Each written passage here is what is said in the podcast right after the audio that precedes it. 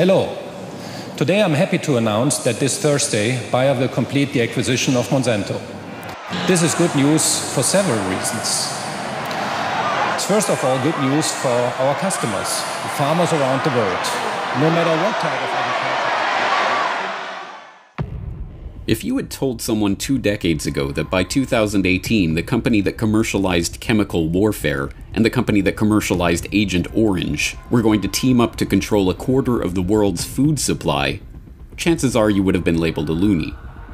Unless your name was Robert P. Shapiro. He was CEO of Monsanto from 1995 to 2000, and in 1999 he told Businessweek that the company's goal was to wed three of the largest industries in the world agriculture, food, and health that now operate as separate businesses. But there are a set of changes that will lead to their integration. With this month's announcement that Bayer had completed its $63 billion acquisition of Monsanto, it is hard to deny that Shapiro's vision has been realized. Too bad for all of us, that vision is a nightmare. Because, contrary to the feel good corporate propaganda being churned out by the company's PR department, propaganda that would have you believe that this merger will be good for the environment, for farmers, for ending global hunger, and, incidentally, for lining the pockets of shareholders. These two corporate giants are in fact committed to the consolidation and transformation of the world's food supply in the hands of the genetic engineers. Monsanto and Bayer are a match made in hell. This is the Corbett Report. It is hardly surprising that the first thing Bayer did after completing their takeover of Monsanto earlier this month was to announce that they were dropping the Monsanto name, merging the two companies' agrochemical divisions under the Bayer Crop Science name. After all, as everyone knows, Monsanto is one of the most hated corporations in the world. In the film uh, Food Evolution, uh, Neil deGrasse Tyson notes that Monsanto is one of the most hated companies in the world. Why do people have such strong feelings uh, toward Monsanto? The worldwide march against Monsanto has drawn hundreds out onto the streets here in New York City, with people seizing the opportunity to voice their uh, concerns and opposition uh, to GMO foods. Why are you here? I am here because I have a loathing hatred for the company Monsanto, which uh, a lot of people don't know that Monsanto is actually just a chemical company and they have no business uh, basically dictating our food supply. New at noon, the city of Seattle is suing biotech giant Monsanto to make it pay for removing cancer causing chemicals in the water. The city says the company knowingly dumped the compounds in the city's drainage system and the Duwamish River for years. Seattle needs to build a stormwater treatment plant to clean the system. That will cost about $27 million. Six other major municipalities sued Monsanto as well. Environmental lawyers have begun filing lawsuits against Monsanto for cancer deaths related to their product Roundup. What these lawsuits are showing is an effort, both on the part of Monsanto and the U.S. government, to minimize the message about the dangers of Roundup in relationship to human cancer. Now, your bullseye is on Monsanto. Why is Monsanto so crucial to this fight over seeds? Monsanto is crucial to this fight because they are the biggest seed company now. Monsanto is privatizing the seed. They control 95% of the cotton in India, 90% of the soy in this country. They've taken over most of the seed companies of the world. This hatred of Monsanto is not unreasonable. It is, after all, difficult to think of a company that has ruined the lives of more people around the world either directly through its coercive and litigious practices against small farmers the world over, or indirectly through the pollution of the food supply with their genetically modified crops. Many are familiar with the company's sordid past, including its role in the development of Agent Orange and its contribution to the epidemic of farmer suicides in India. But in recent years, Monsanto has gained special notoriety for its attempt to push the boundary of patent law in a self admitted effort to gain a monopoly over the world's food supply. Even worse, Monsanto has, thanks to a revolving door with the highest levels of the US government, been not just evil, but extraordinarily effective in spreading its evil seed around the world. That revolving door has seen literally dozens of top Monsanto executives drift in and out of the US government agencies that, laughably, are said to regulate the agrochemical business, including Dennis DeConcini, the former US Senator who now acts as legislative consultant for Monsanto, Mickey Kantor, the Commerce Secretary under President Clinton who also served on Monsanto's board of directors, Michael Taylor, Obama's deputy FDA commissioner who had previously served as Monsanto's vice president for public policy, Linda Fisher, who was appointed deputy administrator of the EPA in 2001, fresh off a five year stint as Monsanto's vice president of government and public affairs, and U.S. Supreme Court Justice Clarence Thomas, who served as a corporate lawyer for Monsanto in the 1970s. These officials have helped smooth the way for Monsanto to achieve a number of key corporate objectives, including the passage of the infamous Monsanto Protection Act in 2013. First off, President Barack Obama recently signed into law what many are calling the Monsanto Protection Act. Monsanto, the world's leading producer of genetically modified food, will benefit greatly from the bill since the legislation gives companies dealing in modified organisms and genetically engineered seeds immunity from federal courts. Nothing creepy about that. The bill states that even if future research shows that GMOs or GE seeds cause major health issues in consumers, the federal courts will have no power to stop their spread, use, or sale. Interesting to note, the bill carrying the Monsanto rider has virtually nothing to do with food, agriculture, or consumer health. It was inserted into a spending bill through lobbying efforts and the good work of freshman Senator Roy Blunt. Well, congratulations, Mr. Blunt. Well done. Very good. Maybe write him a letter. I love Mr. Blunt because Monsanto's such a wonderfully like healthy, nutritious company. Really looking out, You know, and I'm it's amazing. The Center for Responsive Politics notes that Senator Blunt received $64,250 from Monsanto for his Oh. campaign committee between 2000 that had nothing to do with him making a protection bill or anything like that. That was just purely good citizenry at work. Of course. Uh, Mr. Mr. Blunt has been the largest Republican recipient of Monsanto funding as of late. Oh, lovely. So basically, my, you know, Mr. Blunt gave him an out clause. We don't know what these GMO seeds and all that crazy they do does. Sorry for the sailor talk, but you know, we don't know what these cats do. They basically are, are poisoning, you know, the plants to kill bugs. And Their pesticides are actually killing the bee population. There's research to prove it. And now, because of this law, technically we can't do anything about yeah, it. Yeah, we can't go back as citizens. The government can't go back and sue them or, or hold them accountable for any of the actions that they've done. This is beautiful. This is wonderful politics as usual. You know, the old uh, you know pay to play kind of technique of you know we'll give you X amount of dollars, get you elected, and then help us out here. But, ironically, of all the corporations in the world, Bayer is one of the few that could compete with Monsanto for its position as the world's most evil company. There are two huge issues with this Bayer Monsanto merger. Uh, the first is that it's going to raise food prices all across the United States even, and even beyond our borders. Farmers have already experienced a 300% price increase in recent years on everything from seeds to fertilizer, all of which are controlled by Monsanto. And every forecaster is predicting that these prices are going to climb even higher because of this merger. So we're going to have this massive price hike at a time when 14 million Americans have already been unable to provide food for their families. And then we're going to have this ethical problem that's plagued both of these corporations for decades. Let's start with Monsanto. This is a company that produced Agent Orange, which resulted in one of the largest human induced health epidemics in modern history. They made dioxin, they created and distributed PCBs across the planet, and now pending litigation against them for Roundup is right there. Looking at their rap sheet would scare the heck out of anybody with a brain. They're in the business, actually, really, when you drill down to it, it looks more like a cancer business than anything. They've been hit for false advertising and bribing public officials, then moved to Bayer. So we got Bayer and we got Monsanto. Moved to Bayer. This is a company that's joined at the hip with the Nazis during World War II. They produced a clotting agent for hemophiliacs in 1980s called Factor 8.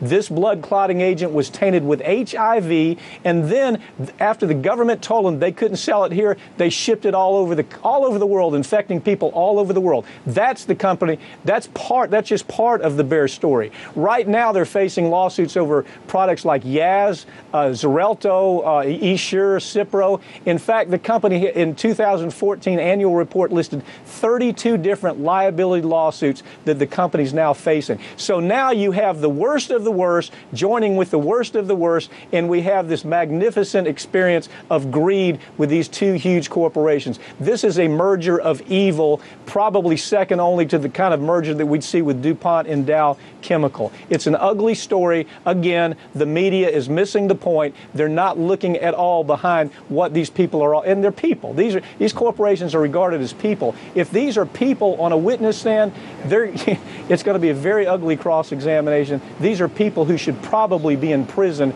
rather than engaging in mergers. Although less well known by the general public, Bayer's shameful history is, like Monsanto's, a case study in corporate psychopathy. Founded in 1863 by Friedrich Bayer and Johann Friedrich Weskott, it wasn't until 1899 that the company trademarked its most well known product, aspirin. Less well remembered is the fact that Bayer was the first company to trademark heroin, which they marketed as a non addictive alternative to morphine and a cough suppressant. But it was under the stewardship of Carl Duisberg at the turn of the 20th century that the company began to develop its psychopathic character. In 1914, the German Ministry of War appointed Duisberg as one of the co directors of a commission into the use of dangerous byproducts from the chemical industry. Unsurprisingly, Duisberg and his fellow directors jumped at the opportunity to turn their waste into profit by recommending the development of chlorine gas for use on the battlefield a direct contravention of the Hague Convention respecting the laws and customs of war on land, which Germany had signed just seven years earlier. Bayer, under Duisberg's command, did not just participate in the development and use of poison gas in warfare, they spearheaded it. Duisberg personally oversaw the earliest tests of poison gas and bragged about its lethal capabilities. The enemy won't even know when an area has been sprayed with it, and will remain quietly in place until the consequences occur. Setting up a school for chemical warfare at Bayer headquarters in Leverkusen, Duisberg also oversaw the development of phosgene and mustard gas, which he urged the German government to use. This phosgene is the meanest weapon I know. I strongly recommend that we not let the opportunity of this war pass without also testing gas grenades. On April 22, 1915, Duisberg got his wish on that day, 170 tons of chlorine gas was used against French troops at Ypres, Belgium, killing 1,000 and injuring a further 4,000. Attacks on the British followed days later. In all, some 60,000 people died as the result of the chemical warfare perfected by Bayer and urged on by Duisberg, one of the great, largely forgotten atrocities of the First World War. Most galling of all, Duisberg was not ashamed of his accomplishments. On the contrary, he was immensely proud of them. He even commissioned famed artist Otto Bollhagen to paint the scene of the earliest poison gas test at Cologne. Duisberg so enjoyed the finished result that he had it hung in his breakfast room at Bayer headquarters in Leverkusen. Later, Duisberg, inspired by a tour of Rockefeller's Standard Oil in the US, wedded Bayer to the IG Farben chemical cartel. As I explained in How Big Oil Conquered the World, IG Farben was a key player in the burgeoning oligarchy of the early 20th century, boasting key oligarchs like Royal Dutch Shell's Prince Bernhard and Standard Oil's Walter Teagle on the boards of its various branches. Bayer's Duisberg served as the head of its supervisory board. Joining Duisberg on the board was Fritz ter Meer, who oversaw the construction of the IG Farben factory at Auschwitz, which ran on slave labor and participated in human experimentation.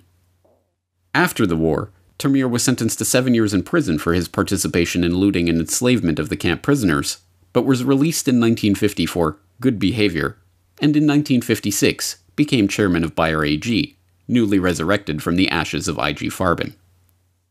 But this legacy of death is not some ancient relic of Bayer's distant past. Decade after decade, the company continues to be involved in scandal after scandal involving wanton environmental destruction, injury, and even mass murder.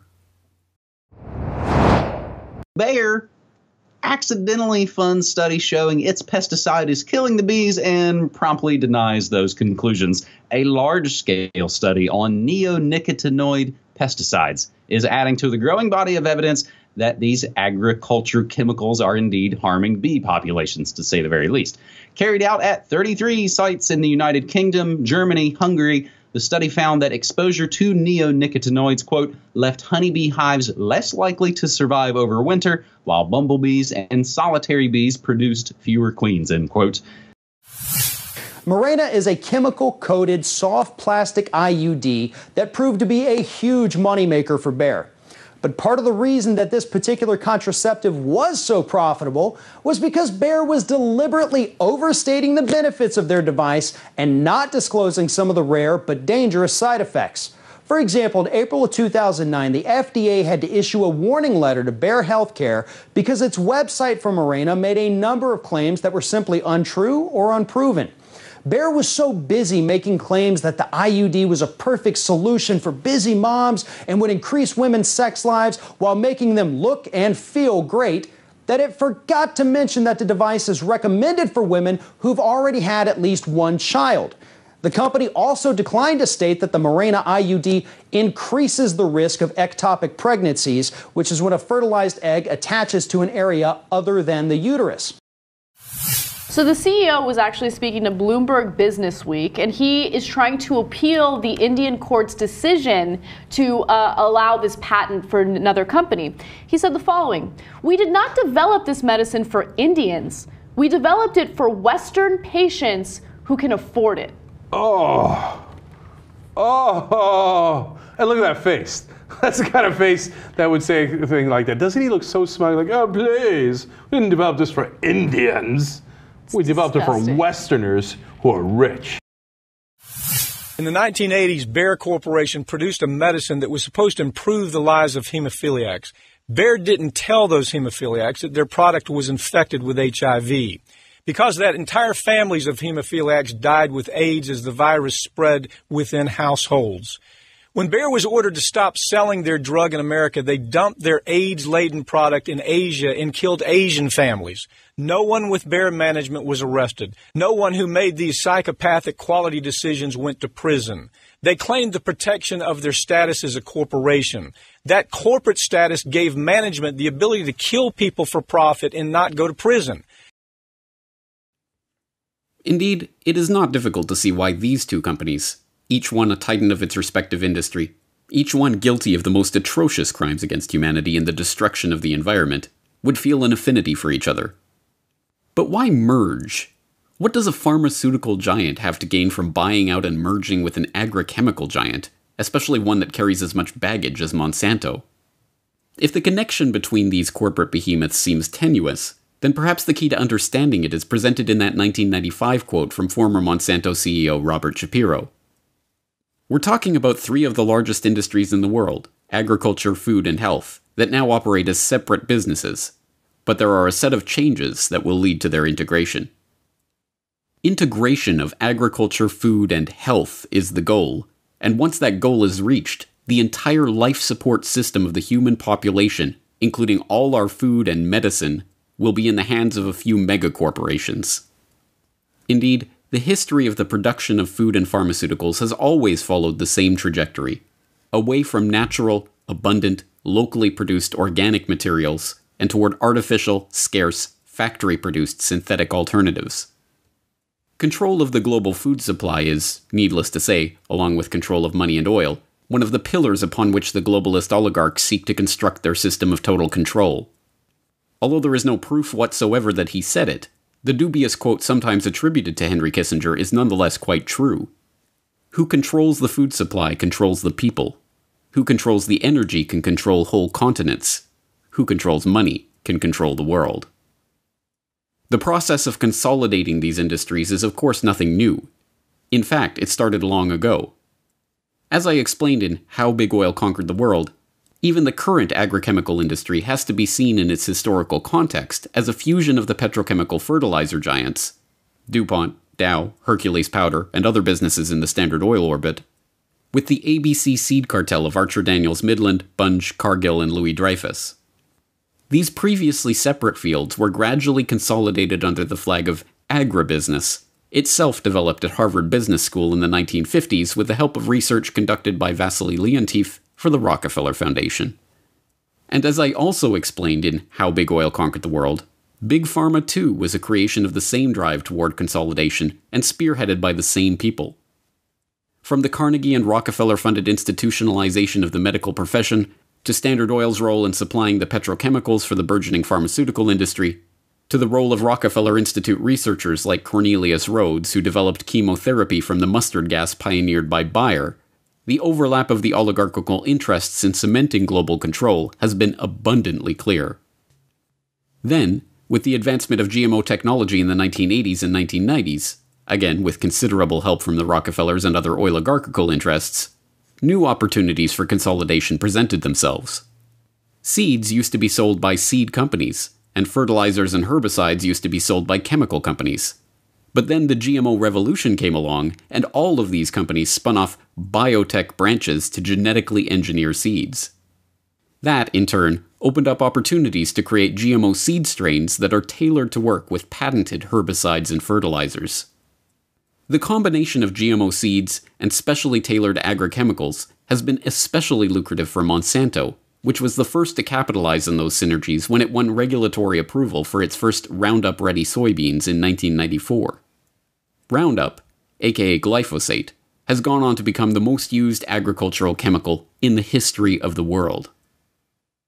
Monsanto and Bayer, not to mention their cohorts in the agrochemical, pharmaceutical, and euphemistically named life sciences industries, are ultimately seeking the same thing complete control over the population, from the genetic engineering of its food supply to the control of its medicines and chemicals.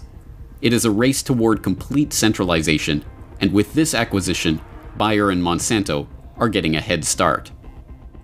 Particularly frightening, then, though hardly surprising, that this latest round of consolidation is being spearheaded by two corporations as thoroughly deplorable as Bayer and Monsanto. Bayer, one of the pieces of IG Farben's grim and oligarchical legacy, supplier of chemicals for the poison gas attacks of World War I, knowing seller of HIV contaminated vaccines, mass murderer of bees, seller of tainted GMO crops. And Monsanto, dumper of toxic chemicals, proud seller of carcinogens, sewer of farmers, cause of farmer suicides, suppressor of scientific dissent. Are you feeling safe knowing that a quarter of the world's food supply will soon be in their combined hands? If not, then all of the efforts that have been made in recent years to march against Monsanto must be translated into a boycott against Bayer and all of their friends in the burgeoning biotech big agra seed cartel GMO Franken industry.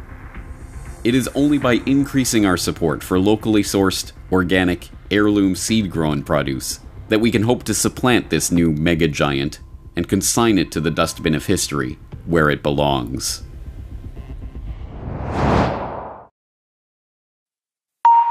The Corbett Report is brought to you by the Data DVD series. From 2007 to 2016, each set of data DVDs contains every podcast, every article, every video, and every interview from that year of the website. Celebrate the Corbett Report's decade of alternative media dominance by owning it all, only on these data DVDs. For more information, please go to corbettreport.com slash data DVD.